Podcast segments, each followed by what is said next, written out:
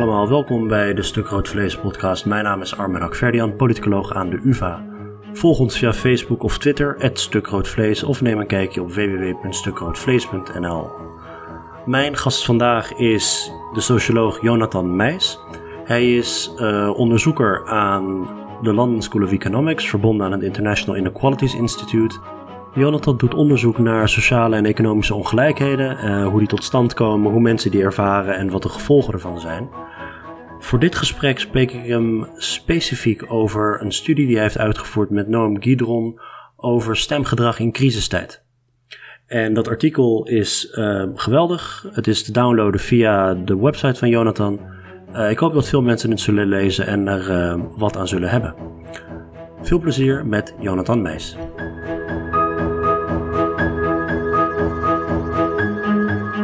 Dag Jonathan, welkom bij de podcast. Uh, dankjewel voor de uitnodiging. Hoe, uh, hoe is het in Groot-Brittannië ten tijde van uh, de Brexit-stress? ja, ja, daar weet jij zo langzamerhand meer van dan, dan ik zelf. Ik, ik bevind me in een soort van staat van ontkenning ehm, met een groot deel van mijn collega's en, en medebewoners van, van Londen. Een soort van ja. algehele staat van, van depressie. Maar merk je er zelf iets van omdat je een EU-burger bent die aan een Engelse universiteit werkt? Nou, ik ben wel een, uh, een aantal maanden geleden hebben ze me geattendeerd op een soort van uh, procedure uh, middels welke ik mijn verblijfsstatus eh, nog wat langer kan, kan soort van verlengen. Op hetzelfde niveau als dat ik nu als EU-burger in het land ben. En daar heb ik me wel netjes voor aangemeld en en die, uh, die status heb ik ook uh, verleend gekregen. Dus dat is het enige soort van praktische of soort van juridische. En dat, ja, op die manier voel ik me wel gedekt. De grote onzekerheid is, gaat natuurlijk over in hoeverre je nog in aanmerking komt voor Europese onderzoeksgelden. Um, en hoe de universiteit het gaan merken met, hun, met het aantrekken van studenten en, en personeel. Ja, want dat tweede wilde ik, vroeg ik me ook af of bijvoorbeeld, uh, want jij zit aan, aan LSE, maar meer Britse universiteiten zullen hier mee te maken hebben. Engeland was altijd een vrij populaire bestemming voor um, Europese studenten. Ja. ja. ik zelf ben ook na mijn bachelor, heb ik in, uh, in Groot-Brittannië gestudeerd. Wordt er rekening gehouden met grote terugval in het aantal studenten? Ik, uh, ik denk het wel. Ik denk dat, dat, dat nee, ik heb wel verhalen gehoord over het stichten van campussen op op de Europese bodem eh, en dat soort trucken. Um, maar ik denk dat, dat op LSC, waar ik, waar ik zit, dat, dat, uh, dat ze het wel knijpen. Ze zijn voor iets van 60% of zo van, uh, van de financiering zijn ze volstrekt afhankelijk van, uh, van collegegelden. En ja, um, ja als, als, als er echt een aanzienlijk minder aantal studenten zich zou gaan aanmelden, dan, dan merkt de opleiding dat. En, en, en ja. daar zijn ze wel een beetje bang voor, denk ik. Ja. Nou ja, goed, het is uitgesteld tot 31 oktober en wie weet wat er daar nou allemaal gebeurt. Maar die onzekerheid lijkt me ontzettend vervelend. Ook met name als je um, die druk hebt, wat we nou eenmaal in ons beroep hebben, om uh, onderzoeksgeld aan te vragen. En de EU is een grote pot met onderzoeksgeld en dat lijkt nu allemaal op de tocht te staan. Ja, absoluut. En volgens, als, we goed, uh, als we goed herinneren, dan heeft ook uh, het Verenigd Koninkrijk het ontzettend goed gedaan in de laatste ronde van, ja, van IRC. Ja, ja. Ja. Dus ze schieten zichzelf volledig in, uh, in de voet. Oké, okay, um, even kijken. Jij bent gepromoveerd aan uh, Harvard in 2017 hè? Uh, in de sociologie. Kun je even kort vertellen waar je proefschrift over ging? Ja, mijn proefschrift ging over eigenlijk de vraag hoe um, zien, ervaren en, en ook vooral verklaren mensen sociale ongelijkheid. dus wat denken ze dat de oorzaken zijn van, van armoede en van, van grote welvaart? Uh, en hoe, um, ja, hoe, hoe duiden ze eigenlijk uh, ja, de goede en slechte dingen die ze tegenkomen in hun eigen leven, maar ook kijken naar mm. anderen. En um, daarin um, beroep ik me op allerlei psychologische, maar ook politicologische theorieën over een soort van de politieke dimensies daarvan, uh, waar mensen hun, hun, hun empathie en solidariteit voelen. En die probeer ik eigenlijk um, een, van een soort van sociologische bodem te voorzien door, door te vragen uh, in hoeverre is uh, eigenlijk de, de ruimtelijke en sociale omgeving waarin mensen zich bevinden, bijvoorbeeld uh, de buurten waarin ze opgroeien, de scholen waar ze naartoe gaan, mm. werkt dat door in ehm, hoe ze de wereld om hen heen leren begrijpen. Oké, dus het gaat niet, uh, niet zozeer om het verklaren van sociale ongelijkheid zelf, maar het gaat erom hoe mensen zelf dat duiden. Dus, dus dat je aan mensen zelf vraagt van hoe, hoe, kom je dat, hoe, hoe komt het dat er ongelijkheid is? Precies. Eh, dat, dat is wat je hebt onderzocht. Ja. Niet, niet zozeer wat daadwerkelijk die verklaringen zijn. Nee, precies. Ik ben dus heel, heel benieuwd naar wat, wat mensen nou zelf denken uh, dat ten grondslag ligt aan, uh, aan, aan ongelijkheid. Uh, ja. En hoe dat op, op zijn beurt weer van invloed is hoe, hoe ze zich zeg maar politiek opstellen. Waar hun solidariteit ja. ligt. En ja, bijvoorbeeld het wat, wat zijn je belangrijkste bevindingen daarin? Nou, dat um, de mate waarin mensen eigenlijk uh, blootgesteld worden aan uh, uh, andere mensen uit een hele andere sociaal-economische achtergrond. Um, dat is van sterke um, invloed op hoe zij de voordelen en nadelen van hun eigen sociaal-economische achtergrond weten te herkennen. dus als je als relatief um, rijke luiskindje naar school gaat met, met, met kinderen met dezelfde achtergrond en in een buurt opgroeit waar iedereen het vrij goed doet. ik denk dat je dan een heel ander beeld ontwikkelt over waar je eigenlijk in de samenleving tegenaan kan lopen. Mm. En ook misschien niet meer de, de wind meevoelt die, die je al die jaren zelf hebt, hebt, hebt meege, ja, zeg dat, die, die je heeft voortgeduwd. Ja. Uh, maar dat, dat je denkt dat het allemaal je eigen verdienste is. Ja, ja. En dat kan, dat ook, je, dat je het zover... dat kan ook omgekeerd ja. werken. Dus het kan ook, uh, dus juist door, door blootgesteld te worden aan, um, aan mensen uit een heel ander milieu, um, uh, kunnen mensen daar, zich daar juist een sterker bewustzijn van voor ontwikkelen. En dat, uh, zoals ik al zei, dat werkt dan weer door uh, op hun gevoelens van solidariteit en, en ja. wat voor politieke partijen ze voorstaan en dergelijke. Dus een beetje gemengde, gemengde leefomgeving, woonomgeving en werk- of, of schoolomgeving is uh, goed om een beetje empathie voor anderen te, te, ontwikkelen. Ja, ik denk dat dat een hele sterke bron is van, uh, van hoe mensen in de wereld staan. Uh, en, en heel sterk doorwerkt op hun, op hun wereldbeeld. en dat is, ja, ik denk dat een van de grote problemen op dit moment is niet zozeer dat er grote sociale ongelijkheid is, maar dat mensen in grote getallen eigenlijk die sociale ongelijkheid onderschatten en, uh, en ook wegverklaren door het, het, het, idee dat we in een meritocratische samenleving leven waar eigenlijk iedereen zijn eigen succes of falen aan zichzelf te danken heeft. En dat is natuurlijk een, een, een, een wereldbeeld waarbij er maar heel weinig basis is voor, voor solidariteit en heel weinig reden is om, om, om daar politiek wat aan proberen te doen. Ja, waar ik je eigenlijk voornamelijk uh, over wilde spreken en waar dat ook de directe aanleiding vormt om uh, uh, voor, voor dit gesprek, is een onderzoek dat ook gaat over ongelijkheid, maar op een iets andere manier. Je hebt een artikel geschreven samen met Noam Gidron van de Hebrew University of Jerusalem. Ja. En dat gaat over stemgedrag tijdens de recessie in Nederland. Kun je misschien uitleggen wat voor jullie de aanleiding vormde om dit te gaan onderzoeken? Ja, voor, uh, voor mij is, is het, uh, het feit dat we voor Nederland hele goede data wisten te bemachtigen, maakte het ja, bijzonder aantrekkelijk. Ik zal over die data zo direct nog wat meer vertellen. Ja. Maar het feit dat het over Nederland ging, um, vond, vond ik erg interessant.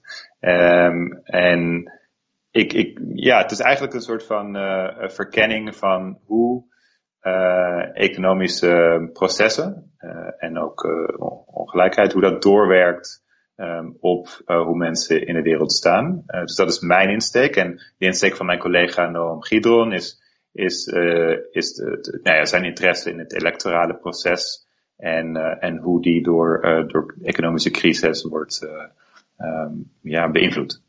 Ja, want die financiële crisis um, ja, vanaf 2008, maar die heeft later nog doorgewerkt in de, in de schuldencrisis, um, was ongekend heftig. En uh, er is wel politicologisch onderzoek geweest dat ik ken voordat ik jullie, uh, jullie stuk las. Um, wat ik ook mijn studenten heel erg aanraad, bijvoorbeeld van, van Sarah Hobolt en, en James Steele, die hebben laten zien dat, dat mensen tijdens de crisisjaren de bestaande politiek heel erg hebben afgestraft. Ja. En dat, de, dat ze mainstream partijen de rug hebben toegekeerd. En uh, in plaats daarvan naar de flanken zijn gegaan. En nu is um, natuurlijk de, de verleiding groot om dan te denken van... oh, nou ja, goed, dit is om het even of ze naar de linker of de rechterflank zijn gegaan. Maar in ieder geval die uitholling van het midden... en die, die polarisatie en fragmentatie is een volgens mij vrij direct gevolg van die crisis. Maar zij laat in een eigen stuk al zien van, nou ja... de mensen die vervolgens kiezen voor de linkerflank en voor de rechterflank... zijn heel andere mensen op heel andere, uh, ja, met heel andere motivaties. Dus mensen die naar de linkerflank gaan, zijn voornamelijk bezig met economische drijfveren. En de mensen die naar de rechterflank gaan, zijn voornamelijk bezig met culturele drijfveren. Ja. En zij hebben, dat, zij hebben dat niet zo heel nauwkeurig gedaan als jullie voor Nederland, maar het, is, het zit een beetje in diezelfde hoek dat, dat in crisistijd er bepaalde ehm, krachten loskomen die te maken hebben met anti-establishment. Mm Maar dan vervolgens wat mensen doen met, die, met dat wantrouwen, dat kan heel anders uitwerken. Ja, absoluut. Um, ja. En, en dat, dat, dat, daar, daar moest ik heel erg aan denken toen ik jullie, uh, uh, jullie, jullie inleiding sowieso las en ook, en ook later wat, wat de resultaten waren. Um, want er is in de literatuur wordt er, wordt er best wel lang al gesproken over dat, dat economische crisis en bijvoorbeeld populisme of anti-establishment kiesgedrag, dat dat met elkaar samenhangt, toch? Ja, absoluut. Volgens mij is er echt een soort van algemene aanname. En dat zie je in de, uh, in de wetenschap, maar ook in het, uh, publieke debat. Uh, dat economische crisis um, in een soort van broedplaats is voor radicaal populistische partijen. dat, nou, dat zie je in Nederland uh, door, uh, door de opkomst van, uh, van radicaal links en rechts. in, in de jaren na de crisis natuurlijk. maar dat zie je ook eigenlijk door heel, heel Europa of het hele Westen. dat er dus meer steun is voor radicaal populistische partijen in landen en regio's waar het economisch slechter gaat. Regio's die lijden onder de recessie. en bijvoorbeeld ook in het verklaren van waar het fenomeen Trump vandaan komt, wordt dan vaak gewezen op de, de zogenaamde Rust Belt States in de Verenigde Staten, waar hij het zo goed deed. En, en ook in het verklaren van de, de Brexit vote wordt ook gewezen dan op uh, eigenlijk soortgelijke noordelijke regio's in het Verenigd Koninkrijk. Maar ik, denk dat dit hele, ja, deze aanname die gaat eigenlijk zelfs helemaal terug naar de opkomst van de nazi-partij in het, uh, ja, het heel zwaar economisch getroffen Duitsland. Dus het idee dat uh, uh, dat, dat soort ja, radicale electorale soort van een, ja. ja ik, ik, wil niet hervorming zeggen, maar een soort van transformaties, dat die plaatsvinden onder die grote economische druk. Volgens mij wordt het voorwaar aangenomen dat Hitler zonder de economische crisis van de jaren 30 niet, de, de jaren 20 niet aan de macht was gekomen. Ja, en je ziet, uh, nou ja, je ziet dat, dat, je ziet daarin natuurlijk allerlei processen, het zogenaamde scapegoat, het is een soort van zondebok aanwijzen, maar ook uh, in ieder geval dan in de naam van de partij uh, de, de, verdediging van de sociaaldemocratie en de verzorgingsstaat. Dat, dat zijn natuurlijk thema's die we nog steeds herkennen. Oké, en dan, um, maar blijkbaar is er iets met die bestaande literatuur die jullie niet helemaal lekker zat, omdat je vervolgens besloot om het zelf te gaan onderzoeken. Ja, klopt. Um, ja, dus heel veel van dit soort aannames um, is eigenlijk niet echt getoetst, maar wordt dan geïllustreerd met correlationele data. Dus er worden verbanden aangetoond tussen die, um, ja, die zogenaamde materiële omstandigheden of, of de mate waarin bepaalde regio's of, of landen zijn getroffen en de steun die er dan is. Maar er is ja. eigenlijk maar heel weinig kausaal bewijs uh, dat, uh, uh, nou ja, dat, dat inkomensdaling bijvoorbeeld ten grondslag ligt aan het, het gaan stemmen voor, voor radicaal populistische partijen op individueel niveau. Dus er wordt vaak eigenlijk op basis van meer geaggregeerde gegevens, op regioniveau bijvoorbeeld, wordt dan geconcludeerd dat, dat, dan, dat het dan ook een, een proces is wat zou moeten, zou moeten gelden uh, voor individuen ja. in die regio's. En, ja, ja, je bedoelt dat, dat regio's die te maken hebben met grote economische teloor of achteruitgang.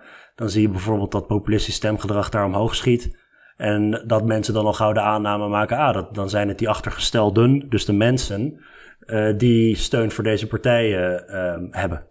Ja, precies. En dat is iets wat, nou ja, dat kunnen we, volgens mij kunnen we dat nog uh, uh, duizenden keren herhalen tot, uh, tot we, nou ja, tot we ons wegen. Maar die, dat, dat, dat wilde maar niet, dat, dat wilde maar niet inkomen hè, bij, bij veel journalisten en duiders. Dat als je wil als je uitspraken wil doen over mensen en waarom mensen op, op, op eh, partijen, of partijen stemmen, mm -hmm. dat je dan niet moet kijken naar buurten en niet moet kijken naar gemeentes, maar dat je inderdaad mensen moet ondervragen. Ja, nee, precies, daar ben ik helemaal mee Al die regionale analyses er helemaal gek van, hoe, hoe dominant die zijn geworden in het, uh, in, in het politieke uh, duiddiscours. ja, ja. Nee, kijk, die hebben absoluut hun waarde, maar, um, maar die staan natuurlijk meerdere stappen af, of weg eigenlijk van van uh, de daadwerkelijke motivatie van, uh, van individuen. En daar, daar, proberen, daar proberen we in het artikel zo, zo dicht mogelijk bij te komen. Ja, nou ja, ik, ik zal vast op de zaken vooruitlopen dat ik vind dat dit soort analyses die jullie doen, dat die veel prominenter ook bij verkiezingsavonden en zo. Uh, en ook bij, bij analyses van, van opiniepeilingen, dat, dat, dat dit een soort van goudstandaard is. Omdat dit daadwerkelijk gaat over de individuen zelf. En je heel dicht op de processen zit. Uh, in plaats van dat je als met, met, met een soort van helikopterview naar, naar buurten kijkt als een soort homogene eenheden of naar gemeentes als homogene eenheden of nog erger provincies. Mm -hmm. uh, maar hier zit je echt recht op individuen door de tijd heen en hoe die veranderen. En dat is wat het zo geweldig maakt. Maar, maar voordat we even die data induiken, wat, uh, wat zijn de verwachtingen vooraf? Je hebt, um, dus het gaat jullie om de economische situatie van mensen zelf, dus hun inkomen. Ja. En de vraag is eigenlijk, wat gebeurt er nou met, het, met de politieke houdingen en het stemgedrag van mensen die een inkomensachteruitgang uh, ervaren? In, in die periode, wat is het, 2000, jullie hebben 2007 tot 2015 volgens mij? Klopt, ja. Um, als mensen dus hun inkomen verliezen door de crisis, door, door bijvoorbeeld een baan te verliezen of, of wat het ook mogen zijn, maar uh, er is een uh, verandering in hun persoonlijke economische situatie, mm -hmm. wat zijn dan de mogelijke uitkomsten die je op voorhand zou kunnen verwachten? Ja, nee, precies. Dat, dat, is, dat is de vraag die we stellen. We, ja, de, de literatuur beschrijft dus vooral, vooral correlaties. Op, op theoretisch uh, niveau is de verwachting dat um, eigenlijk links-radicaal populistische partijen um, het hardst roepen dat de overheid en, en, eventueel ook andere elites de burgers in de steek heeft gelaten. Uh, en, en, en dat zijn nou juist de partijen die zich opwerpen als verdedigers uh, van, van de burgers um, door middel van de verzorgingsstaat. Eigenlijk, daar staan ze voor. Uh, dus het idee is dat, dat vooral in crisis en vooral als mensen inkomensdaling ervaren, dat dan dat appel het, het, het meeste bij ze aanspreekt. Ja, dus, dus één hypothese zou zijn, mensen die inkomensverlies ervaren, die zijn eerder geneigd om vervolgens op die um, linksradicale partijen te stemmen, omdat die partijen voor een groter sociaal vangnet zijn. Ja. Dus uit een soort economisch eigenbelang. Ja, en uh, als je dan kijkt naar radicaal rechts, dan, uh, dan is de verwachting dat juist uh, onder zeg maar economische hoogspanning, dat dan juist die boodschap van het eigenlijk een zondebok maken van immigranten en het inspelen op bijvoorbeeld het idee dat, dat Oost-Europeanen on, onze banen komen stelen of dat de immigranten een uitkering trekken van onze hardverdiende centen. Die boodschap, die komt dan, die komt dan sterker aan en, beter binnen. En, uh, en dat leidt mensen om, om voor die partijen te gaan. Ja, dus het zijn eigenlijk twee tegenover, of het zijn twee andersoortige verwachtingen op voorhand. De ene, de ene tak van, van de literatuur zou zeggen, nou ja, inkomensverlies leidt tot stemmen op radicaal links. Wat eigenlijk de meest logische verklaring is, omdat radicaal linkse partijen inderdaad staan voor die bescherming van mensen met, met inkomensverlies. Mm -hmm. En uh, je hebt een andere tak in de literatuur die zegt van ja, die mensen die zullen eerder op radicaal rechts stemmen. Had je op voorhand uh, een, uh, als je had moeten wedden, had je, of had je een vermoeden welke het zou zijn? Of was je van, nou ja, we zien het wel? nou, er is wel wat meer twijfel in de literatuur waar het, het, het, het, stemmen of steunen van rechtsradicale partijen betreft. dus daar hadden we ook wat meer twijfels bij. Er, er, uh, er is vooral in de VS is er een debat over wie nou precies op Trump heeft gestemd. Um, en uh, er, zijn, er zijn mensen die, die zeggen nee, dat zijn niet de allerarmsten. Uh, en ook in Europa wordt dat verband tussen zeg maar economische marginalisatie of marginalisering en het stemmen op radicale partijen wordt in twijfel getrokken, bijvoorbeeld in, in Vlaanderen. Um, ja. En dus daar hadden we, daar is een meer, daar, daar is eigenlijk meer debat over. Over die tweede kwestie. Dus daar waren we vooral benieuwd naar wat de, wat de resultaten zouden zijn. Omdat, omdat vanuit de literatuur um, stemgedrag van rechts populistische partijen ook, ook voornamelijk verklaard wordt vanuit culturele en niet zozeer vanuit economische ja, het is variabelen misschien. Ja, nee, precies. De, de, de, de nadruk ligt op die, op die culturele variabelen. En de vraag is dan in hoeverre economische omstandigheden uh, het eigenlijk um, makkelijker maken voor die partijen om, uh, om, uh, om gebruik te maken van, die, van dat cultureel appel, als je het zo kan noemen. Oké, okay, dat zijn de verwachtingen vooraf. En dan is natuurlijk de vraag hoe je die gaat toetsen en wat voor data je hebt. Ja, dus we, we maken gebruik van een panelopstelling waarbij we een kleine 9000 mensen door de tijd heen uh, hebben gevolgd. Uh, we kunnen niet iedereen elk jaar blijven volgen, maar we hebben de tijd van 30.000 observaties over die periode van 2007 tot 2015. waarbij dus ieder individu tenminste twee keer is, is waargenomen en een aantal door die hele reeks. En wat we dus steeds kijken is, wat is het, het maandelijks inkomen van van elk individu en hoe is dat veranderd door de jaren heen. Um, en de data komt van uh, het LIS uh, en dat staat voor Longitudinal Internet Studies of Social Science. Dat wordt beheerd um, door het Center Instituut aan, aan Tilburg Universiteit. En die data die zijn, die zijn gewoon beschikbaar voor, voor wetenschappers. Um, misschien zelfs voor journalisten als je even aanmeldt. Dus het is ook onze hoop dat meer mensen hier gebruik van zullen maken. Want wat je eerder zei, er is gewoon hele mooie data beschikbaar voor het uh, beantwoorden van dit soort vragen uh, op een volgens mij ja, betere of in ieder geval gedetailleerde niveau dan dat, dat geaggregeerde regioniveau waarop er vaak wordt gekeken. Ja, nou ja, en, en um, de opiniepeilers in Nederland werken, voor zover ik weet, eigenlijk allemaal met paneldata. Gewoon een groot internetpanel. Ja. Met um, duizenden, zo niet tienduizenden respondenten die ze meerdere, dezelfde respondenten die ze meerdere keren ook kunnen ondervragen als ze dat willen. En uh, het zou leuk zijn als, als dat soort uh, meer uh, door de tijd heen analyses prominenter zouden, zouden worden. Van wie zijn nou de mensen over lange periode van tijd die van, die van partij veranderen? En dan vervolgens, wat zijn de kenmerken van die mensen? Wat denken die mensen? Wat vinden ze van de politiek? Wat, en, en, dat soort, en dat soort onderwerpen. Dat is volgens mij echt waar we naartoe moeten met uh, kiezersonderzoek, ook het kiezersonderzoek dat in de media verschijnt. In plaats van zetelpeilingjes of uh, zoveel procent, uh, zo groot is het draagvlak voor die en die, dat dat beleidsterrein, is eerder van, wat zijn die kiezerstromen nou? Dat, dat, dat in, en, en volgens mij zijn opiniepeilers nu veel beter dan vroeger uitgerust om die vragen te beantwoorden op een heel gedetailleerd niveau. Ja, nee, ben ik helemaal met je eens. En het is volgens mij, het gaat ook veel meer, veel meer, zeg dat, achtergrond eigenlijk bij dat soort vragen. Als je een soort van referentiepunt hebt en een verandering kan, ja. uh, kan beschrijven en kan, uh, en kan duiden. Oké, okay, dus dat de data zijn dezelfde individuen over langere tijd gevolgd. En dan vraag je dus aan die mensen wat hun maandelijks netto-inkomen is.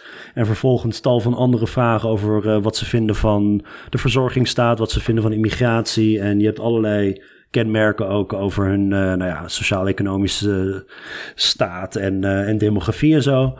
Um, nou ja, en dan de resultaten. Ja, dus de kern van, van onze analyses, die, die, die spitsen zich echt toe op, uh, op het kijken in hoeverre uh, hangt die daling of stijging van inkomen nou samen met ja. de sympathie of steun voor PVV enerzijds, SP anderzijds. En in hoeverre um, hangt die samen met een soort van het, het soort van kernthema van de SP, namelijk um, het herverdelen van inkomen, steun van de, voor de verzorgingsstaat. Ja. Uh, en het kernthema van de PVV, dat is de, de, ja, eigenlijk een negatieve houding tegenover immigranten en vluchtelingen. En daar kijken we naar eigenlijk door een aantal verschillende aspecten van immigratie en asielbeleid samen te nemen. Maar we kijken ook naar die uh, verschillende aspecten afzonderlijk en, en, vinden dan eigenlijk hetzelfde patroon. Ja, die bevindingen die zijn dat um, verlies van inkomen door de tijd heen, dat die samenhangt met steun voor populistisch links, um, als ook steun voor het herverdelen van inkomens. Nee, jij, jij, zou, jij zegt samenhangt. Waarschijnlijk kun je het sterker uitdrukken. Leidt tot, toch? Ja, dus door de tijd heen hangt het samen. Uh, ja, het, het, het, een verandert op, op één moment en uh, het ander volgt daarop.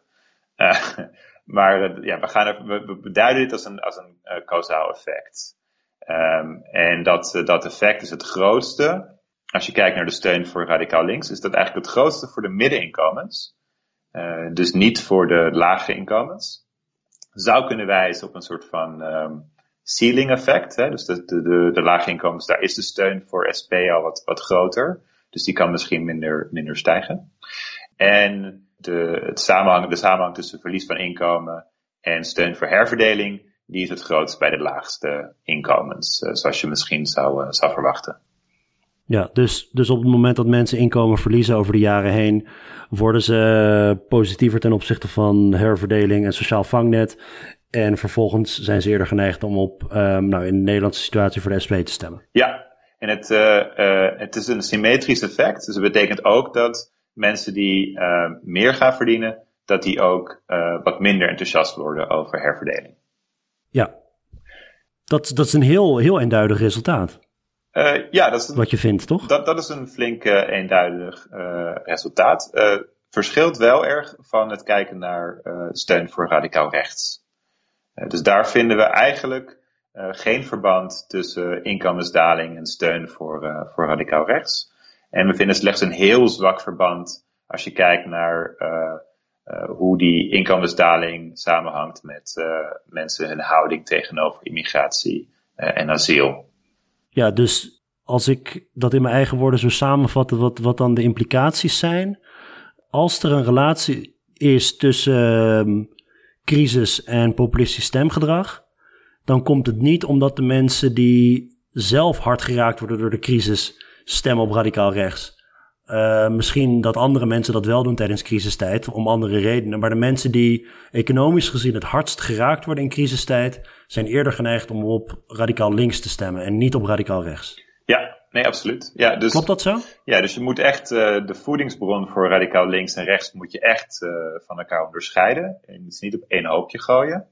Um, en daarnaast is de crisis misschien wel een voedingsbron voor beide partijen, maar dan indirect.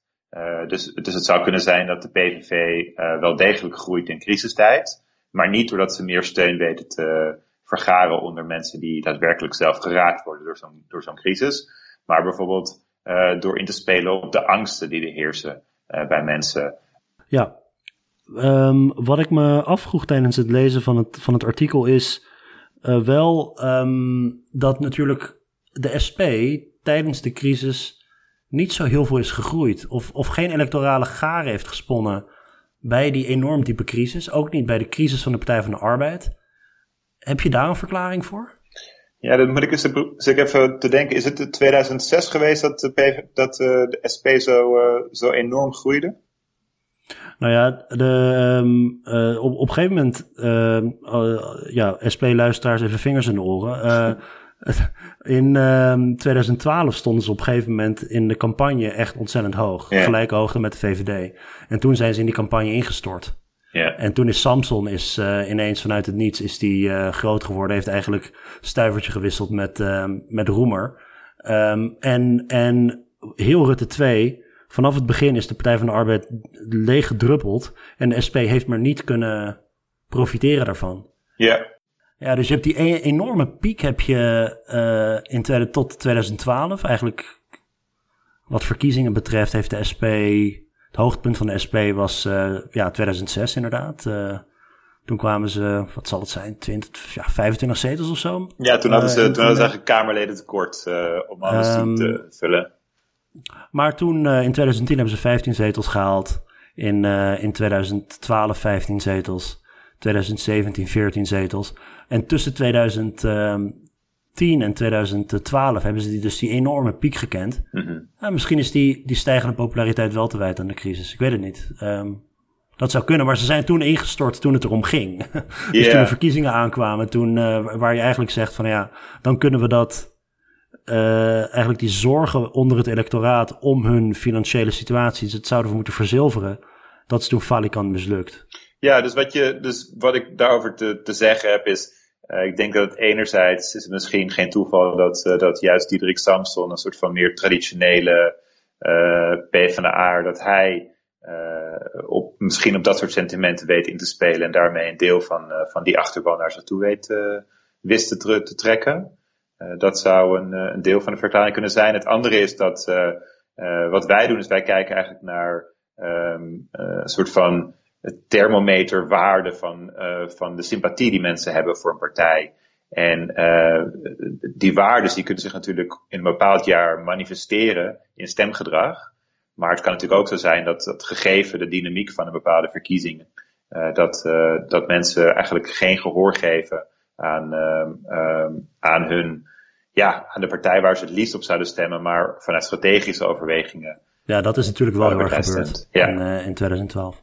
Een van de, uh, denk ik, uitdagingen die je hebt wanneer je zo'n relatief lange periode onderzoekt met zoveel mensen, is dat er natuurlijk veel andere ja, variabelen kunnen zijn die van invloed zijn op uh, kiesgedrag of op, op, of houdingen.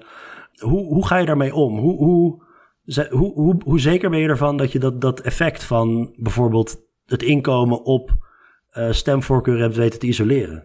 Ja, het mooie van zo'n panel design is dat je uh, eigenlijk constant houdt um, wat er allemaal um, niet verandert over de tijd binnen een individu. Dus je, je kijkt alleen naar verschillen binnen een persoon door de tijd heen. dus dat noem je individual fixed effects. En daarnaast hebben we ook year fixed effects in onze modellen. Wat betekent dat gebeurtenissen in een bepaald jaar die eigenlijk iedereen op een bepaalde manier raken, dat we die ook in ons model kunnen incorporeren en dat die dus niet uh, de schatting van effecten uh, in de weg zit. Ja, dus je kijkt echt heel precies naar de verandering van die variabelen waar jij in geïnteresseerd bent, terwijl je eigenlijk veel van de andere, or, ja, andere factoren probeert constant te houden. Eigenlijk net zoals in een laboratorium, alleen dan in de echte wereld. Ja, maar dan econometrisch inderdaad met, met ja. statistische technieken. Dus, dus wat is nou de, uh, de samenhang tussen bijvoorbeeld steun voor radicaal rechts en, en de, de, de inkomensdaling of stijging die iemand ervaart? waarbij we dus inderdaad volledig constant houden um, wat de, het geslacht of etniciteit is van, van een persoon. Um, maar ook wat er in zo'n jaar nog meer gebeurt aan dingen die, die elk individu op dezelfde manier raken. Ja, oké, en nu dan de implicaties. Dus uh, de conclusies zijn helder. Uh, mensen met inkomensverlies gaan via hun economische houdingen naar radicaal links. En inkomensverlies heeft nauwelijks effect op houdingen jegens immigratie, heeft nauwelijks effect op stemgedrag voor radicaal rechts. Wat, wat zijn precies de, de conclusies en de implicaties die je trekt hieruit? Um, ja, dus los van wat je als een soort van voorschrift zou kunnen zien, of een, uh, of een uh, nou ja, hopelijk een soort van enthousiasmering om, uh, om, om dit soort vraagstukken op, op individueel niveau proberen te onderzoeken. En dat te doen met, met longitudinale data, waarin mensen dus door de tijd worden gevolgd. Daar proberen we echt een, soort van goed voorbeeld voor, voor, te, voor te geven of te bieden in dit artikel. Ehm, ja, je zou kunnen zeggen, er, wordt dus eigenlijk um, uh, misschien te, te veel nadruk gelegd op, op dat idee dat, dat enkel de radicaal rechtse partijen erin slagen om animositeit tegenover immigranten, om dat nou, om daarop op in te spelen en daarmee de kiezers naar zich toe te trekken. Het, het, het, zou dus maar heel goed kunnen zijn dat, dat centrumpartijen er ook steeds beter in, in slagen. Dat, dat is niet een strategie die ik zou willen aanbevelen. Maar dat is wel een, een observatie die, ja, die zou kunnen helpen in het duiden van, van wat wij als patroon hier vinden. Ik denk als je het hebt over een soort van voorschrift, ja, dan moet je dus echt heel serieus nemen de, de economische zorgen die er bij mensen zitten. en daar moet je een goed antwoord op kunnen bieden als, als politieke partij. En um, het, het, zegt ook nogal wat over die hoefijzertheorie in de politiek. Dat, dat, dat, zeg maar die, dat, dat idee dat uh, radicaal rechts en links elkaar raken, dat ze overeenkomsten hebben, grote overeenkomsten hebben, uh, dat staat op losse schroeven. Dat, dat, dat, dat, hebben anderen misschien ook al wel aangetoond, maar dat, dat blijkt eens te meer. Dat misschien de gelijkenis tussen radicaal rechts en radicaal links op bijvoorbeeld iets als wantrouwen jegens de politieke elite. Dat ze dan op elkaar kunnen lijken. Maar wanneer je kijkt naar de motivaties van kiezers om op radicaal links of op radicaal rechts te stemmen, dat dat toch wel echt een ander beestje is. Ja, nee, absoluut. Ik denk dat, uh, dat het uh, steeds minder zin heeft eigenlijk om, uh, om de, dus de kiezers van die twee partijen op één, op één hoop te gooien. dat ze misschien, dat er bepaalde correlaties te vinden zijn tussen sociaal-economische achtergrond en dergelijke. Maar dat je, als je gaat kijken naar wat zijn nou de daadwerkelijke opvattingen van burgers die ze, ja, die ze tot een bepaalde partij leiden, dat dat echt heel anders is voor radicaal links en, en rechts. en misschien is er ook steeds meer te zeggen voor het beschouwen van, een bepaalde populistische retoriek als een, een soort van um, een vorm van politiek bedrijven die misschien helemaal niet eigen is aan de een of de andere partij, maar waar alle partijen op momenten gebruik van, van, van kunnen maken en, en ook een voordeel bij mee kunnen halen. Ik wilde je heel erg bedanken voor, voor je tijd. Graag gedaan. Waar kunnen mensen je vinden op Twitter? op mijn voor- en achternaam, Jonathan Meijs. En, en dat is ook mijn, mijn website www.jonathanmeijs.com.